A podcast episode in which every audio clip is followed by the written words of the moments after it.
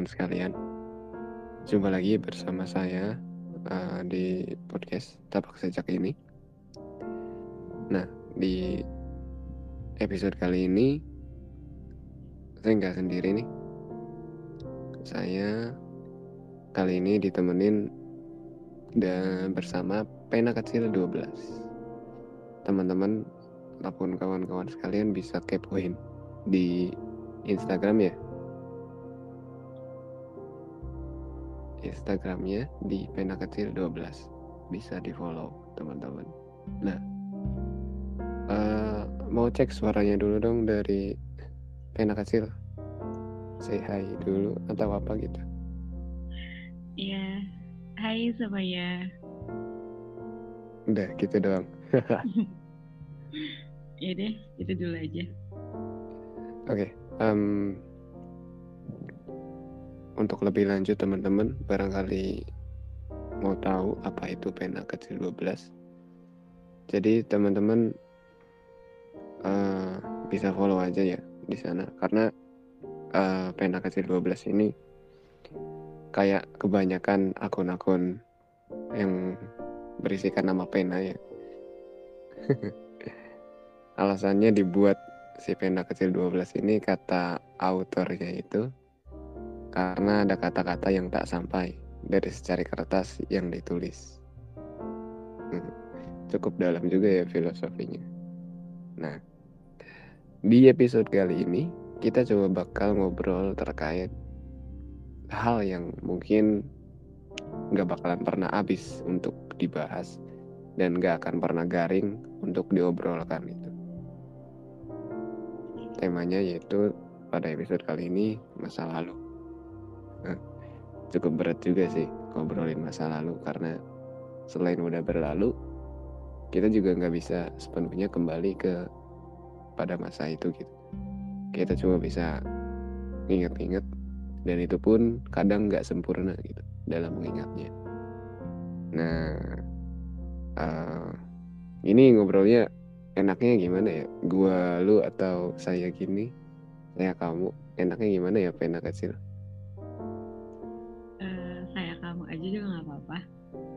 Oke oke, di bawah santai aja ya. Iya. nah, uh, tadi kan udah disinggung tuh di awal. Uh, kita bakal ngobrolin masa lalu.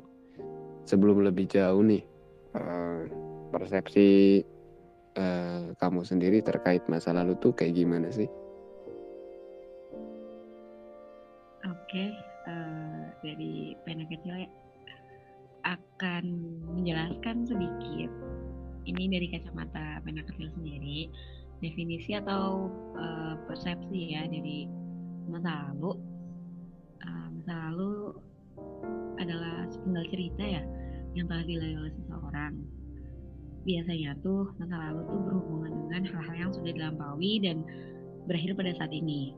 Pastinya kan uh, masa lalu itu berhubungan dengan waktu dan diakses melalui ingatan yang ada di otak manusia mungkin itu aja sih dari pena kecil.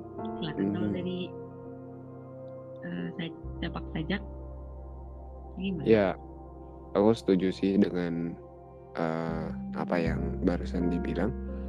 Dan juga menurutku masa lalu itu unik. Kenapa unik? Karena um, hanya terjadi sekali gitu dalam seumur hidup manusia. Ya meskipun ada yang namanya deja vu itu nggak benar-benar persis gitu. Ada ada hal yang pas, pasti membedakan dengan apa yang udah terjadi di sebelumnya gitu. Nah ketika uh, aku bicara kayak gini juga beberapa detik kemudian obrolan ini tuh udah jadi bagian dari masa lalu gitu. Dan itu nggak bisa diulang kecuali direkam. Itu bisa kita dengar lagi. Nah kalau bicara keseluruhan gitu ya. Kita hidup itu kan uh, kayak dibangun dari pondasi masa lalu nggak sih? Tuh. Adanya kita di sini juga kan ya karena terjadinya masa lalu yang udah terlewat itu dan menurutku juga masa lalu itu kompleks dan luas banget. Tak tarik uang dan waktu. Karena ya sesekali kita dapat mengakses gitu dan emang masa lalu itu disimpan itu uh, catatan peristiwanya itu dalam otak kita gitu dalam ingatan jangka panjang gitu. Dan sewaktu-waktu kita bisa mengaksesnya. Itu sih menurutku terkait. Gimana sih persepsi kamu dan saya juga perihal masa lalu? Nah mungkin ini ada hmm, pertanyaan selanjutnya nih. Yang mungkin dari teman-teman juga mempertanyakan dan bertanya-tanya. Kenapa sih masa lalu kadang suka tiba-tiba muncul? Gimana nih responnya? Uh, ya ya betul banget. Pasti uh, pertanyaan ini banyak muncul dari pendengar juga ya. Kalau menurut saya kenapa uh, masa lalu itu tiba-tiba muncul pasti banyak yang bilang kalau masa lalu itu datang tiba-tiba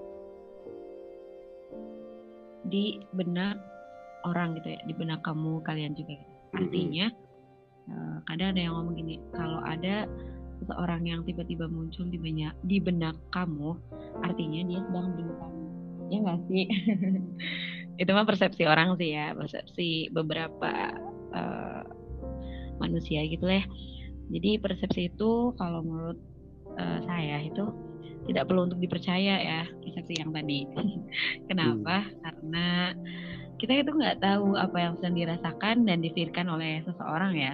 Terlebih kalau uh, kita juga bukan beramal yang bisa tahu si A lagi apa ya, si B lagi apa ya, terus ini itu gitu. Karena kita bukan beramal ya, jadi kita juga nggak bakal tahu apa yang yang akan dia ucapkan dia pikirkan gitu. Jadi menurut saya perihal Dan ini ini enggak sih? Uh, nyela nyela bentar. Iya. Kenapa masa lalu tiba-tiba muncul? Biasanya ada ada suatu momen ataupun suatu tempat yang tiba-tiba bikin dia ingat sesuatu. Kadang itu bukan sih yang jadi uh, faktor pemicu kenapa masa lalu suka tiba-tiba muncul di ingatan gitu Iya, benar-benar. Iya, bisa jadi. Karena kalau kita sedang melewati atau tempat atau suasana gitu ya, dan yang sama pasti stimulus gitu, kayak di otak langsung aja stimulus kita balik ke masa lalu forward gitu ya, langsung balik ke masa lalu flashback. Eh sepertinya dulu teh pernah seperti ini ya sama dia. Nah, iya benar-benar. bener ya. dan kayaknya saya juga sering banget ngalamin kayak gitu gitu. Suka mm-hmm. tiba-tiba lewat jalan ini gitu. Tiba-tiba aduh dulu pernah boncengan bareng pernah lewat bareng sini juga gitu. Jadi kita nggak niat untuk ingat masa lalu tapi dengan sendirinya ketika kita lewatin misalkan suatu tempat ya nggak tahu gitu tiba-tiba keinget terus gitu malah keinget. Terus pas balik-balik malah jadi overthinking lagi. Iya. Padahal dia udah jadi masa lalu ya. Iya. emang. Bener yang uh, dibilang di awal itu masa lalu itu unik. Emang bisa diprediksi banget kapan datangnya dan kapan bisa kita ingat kembali gitu. Nah tapi mungkin, uh, ada tambahan nih. Gimana?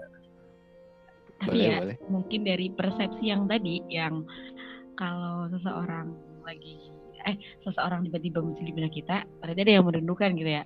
Tapi mungkin saja uh, jika memang benar ya seseorang di masa lalu itu merindukan kita, menurutku itu nggak apa-apa sih karena ya itu haknya dia gitu, haknya masa lalu seseorang yang ada di masa lalu kita gitu. Iya. karena lagi pula lagi pula ya kan sekarang kita tuh ya bahasanya teh udah sudah bukan apa-apanya dia gitu. Terus mengenang hal-hal indah juga uh, mungkin gitu ya mungkin bisa jadi penyembuh dari kerinduannya dia kepada kita gitu. Karena memang ya sudah tidak bisa bertemu lagi kemungkinan itu kan beberapa beberapa kemungkinan kemungkinan jadi kalau menurut saya hak hak masing-masing orang. Jadi nggak apa-apa sih kalau mengenang. lagi ngomongin sendiri ya. Wah, curhat nih Wah. pena kecil lagi curhat. curhat pengalamannya. Nah, tapi kan tadi em, katanya mengenang yang indah-indah. Tapi eh, kebanyakan orang itu mengidentifikasikan masa lalu itu dengan cap yang jelek gitu. Contohnya Gimana kayak kekecewaan ya. Iya, kebanyakan kamu punya masa lalu apa gitu. Aduh, nggak, aduh nggak enak banget. Kebanyakan orang-orang ketika bicara masa lalu gitu, berarti bicara sesuatu yang nggak enak, sesuatu yang menyakitkan, mengecewakan, dan lain sebagainya. Itu kira-kira emang kayak gitu dari kecil sendiri pengalamannya ketika dengar kata masa lalu gitu. ya, ya, ya, aduh, jadi ketawa aja. Iya benar-benar banget. Relate banget sih untuk semua orang pendengar nih nantinya pasti merasain wah iya nih gitu. Karena mm, menurut kecil menurut saya sendiri gitu. Kenapa sih masa lalu itu sering dikenang dengan identik yang kekecewaan? Biasanya kalau kita bilang masa lalu sering identik dengan hubungan ya, hubungan yang Iya. kandas atau hubungan yang ditinggalkan atau hubungan yang pokoknya perihal kekecewaan gitu. Mungkin karena memang sudah ditakdirkan tidak bersama namun masih ada rasa kecewaan ya.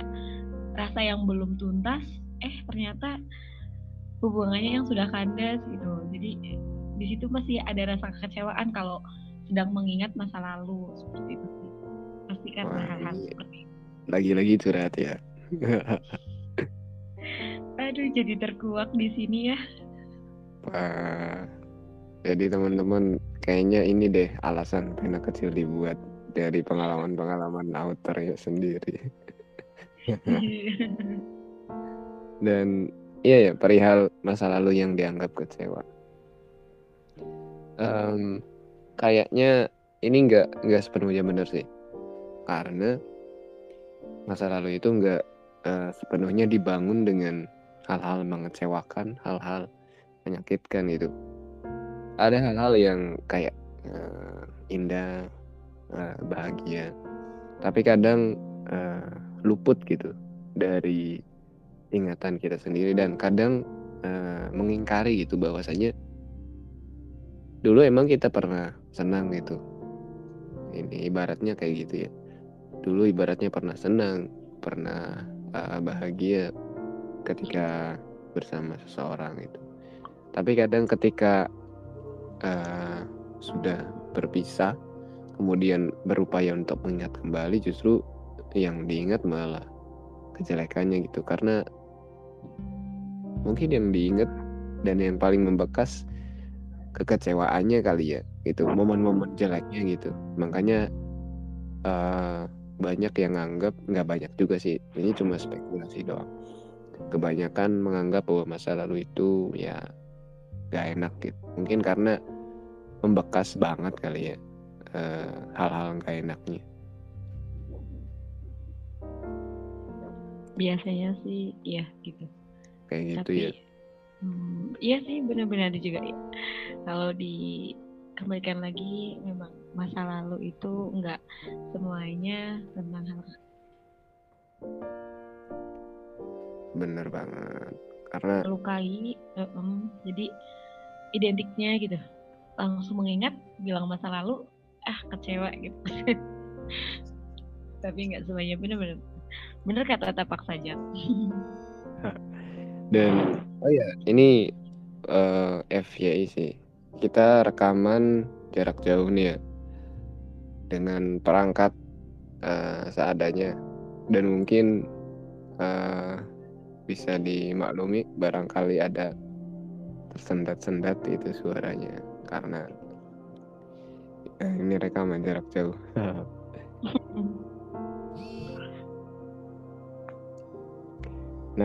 Eh, ada beberapa pertanyaan lagi nih.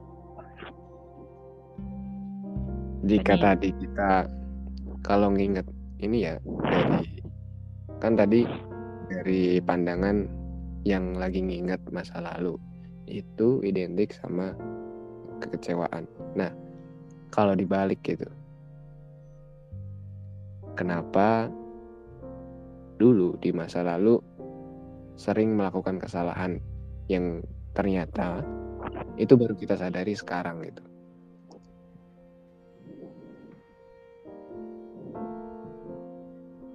Eh, dari saya ya, kenapa sering melakukan kesalahan di masa lalu dan disadarinya sekarang? Karena biasanya seseorang ya melangkah atau mm, melakukan sesuatu hal itu tanpa sadar tapi baru dirasanya setelahnya gitu. Contohnya kayak tadi ya kekecewaan. Udah melakukan kekecewaan misalnya kita langsung dengan contohkan saja gitu, uh, hubungan gitu. Ternyata lebih meninggikan ego ego diri sendiri misalnya. Eh dia tanpa sadar nantinya bakalan kandas hubungannya. Tapi ya uh, udah apa ya udah udah terlanjur kejadian gitu. Kadarnya tuh pasti di akhir gitu. Karena uh, sudah melakukan kesalahan tersebut gitu. Kalau menurut saya Hal itu dengan keadaan sadar, tapi melihat eh tapi melakukannya ya kayak kebanyakan-kebanyakan pernyataan itu ya. Nyesel itu ya, ya emang benar-benar ada gitu. Uh, kebanyakan kesalahan kita dulu nggak kita juga sih. kebanyakan kesalahan baru kita sadari itu baru disadari. Setelah ya itu terjadi. Yeah. makanya uh, bener banget ketika eh, ada tapi, tapi, gimana gimana? sedikit uh, semua kesalahan juga bukan dari kita sendiri sih biasanya. Iya yeah, sih coba ya jadi kadang juga ada kesalahan dari orang lain atau ya kalau berhubungan gitu tentang hubungan hmm. kesalahan dia tapi kita um, legowo rendah diri rendah hati ya udah kita mengalah bahasanya biasanya gitu kan ya jadi hmm. hmm. ya udah itu bukan perihal kekecewaan tapi lebih ke mengikhlaskan ya mungkin itu Duh, jadi lupa tadi mau ngomong apa ya. Aduh, maaf. Tapi ya kayak gitu uh, intinya bahwasanya um, perlu banyak pengalaman untuk melangkah ke depan. Ya, nggak nggak selalu harus harus berhubungan yang terikat gitu dengan seseorang itu nggak harus. Tapi dengan kita tahu misalkan ya dengan kita tahu dan sering ngobrol ataupun sering sharing lah dengan orang-orang lain dengan teman-teman kita dengan sahabat-sahabat kita itu bakalan jadi pedoman sih dalam menjalani hidup itu karena uh, kembali lagi gitu ujian paling besar dan paling berat itu bukan ketika seseorang melakukan ujian di sekolah, di kampus. Tapi yang paling berat apa coba ujian tuh? Apa coba? Ujian hidup itu. Makanya dan hal itu nggak dipelajarin itu di bangku-bangku formal gitu. Kayak kayak bagaimana cara nanggepin orang, kayak bagaimana uh, melakukan hubungan yang baik dengan uh, misalkan pacar, teman, sahabat itu nggak didapat di bangku-bangku formal. Makanya ketika sadar dulu sering melakukan kesalahan wajar banget. Tapi kalau terus-terusan melakukan kesalahan itu kurang ajar. nggak wajar lagi. Nggak wajar itu. Iya, harus ada minimalis minimalisasi lah dari kesalahan-kesalahan yang udah pernah dilakuin itu. Minimal yang enggak kejadian lagi kayak gitu. Karena seburuk-buruknya kesalahan adalah kesalahan yang diulang. Ya bener gak sih nah um, tadi mungkin kita udah banyak bahas lah terkait masa lalu ini. Nah, pertanyaan yang mungkin jadi pertanyaan terakhir nih di episode ini di obrolan tentang masa lalu. Penting gak sih uh, masa lalu itu gimana? Penting gak kira-kira?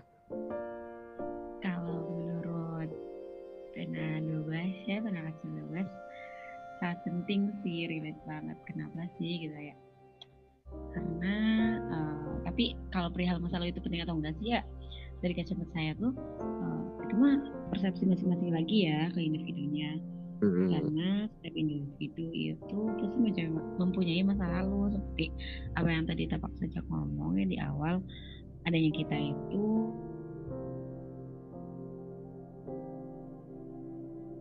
jadi setiap individu pasti mempunyai masalahnya masing-masing. Yang kemungkinan hampir sama namun tak ayal berbeda juga kan.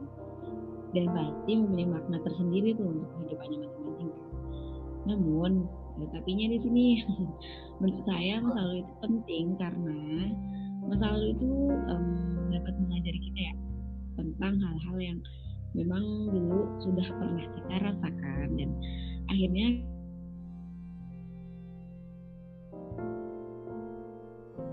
belajar aja sih tapi makna belajar dari sini itu bukan belajar formal ya lebih belajar. Belajar itu kan maknanya proses gitu. Jadi yang belum pernah kita rasakan jadi kita rasakan. Mungkin jika masa lalu itu dengan tidak penting karena ada sesuatu hal yang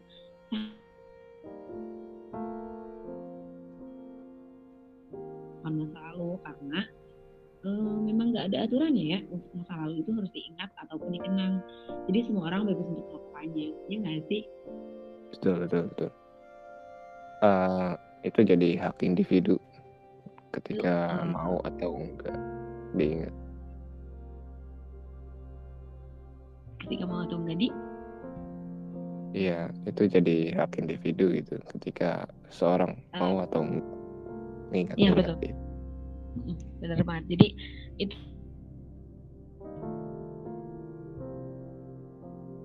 nah, silahkan. Dan um, apa ya tadi dan masa lalu juga uh, ini gitu. Aku juga setuju. Um, masa lalu itu penting. Entah ini semua orang juga setuju atau enggak tapi seburuk apa pun masa lalu setidak enak apa pun kejadiannya masa lalu akan selalu penting dan akan sewaktu-waktu kita perlukan gitu. Karena tadi masa lalu eh, kadangkala ya bisa menjadi pedoman, bisa menjadi hmm. patokan itu ketika eh, ada hal-hal yang mungkin mirip di kemudian hari dan kita pernah merasakan mungkin yang lebih dari itu eh, bisa mengantisipasi dan bisa menghindari hal-hal yang tidak diinginkan ketika kita di era sekarang kayak gitu.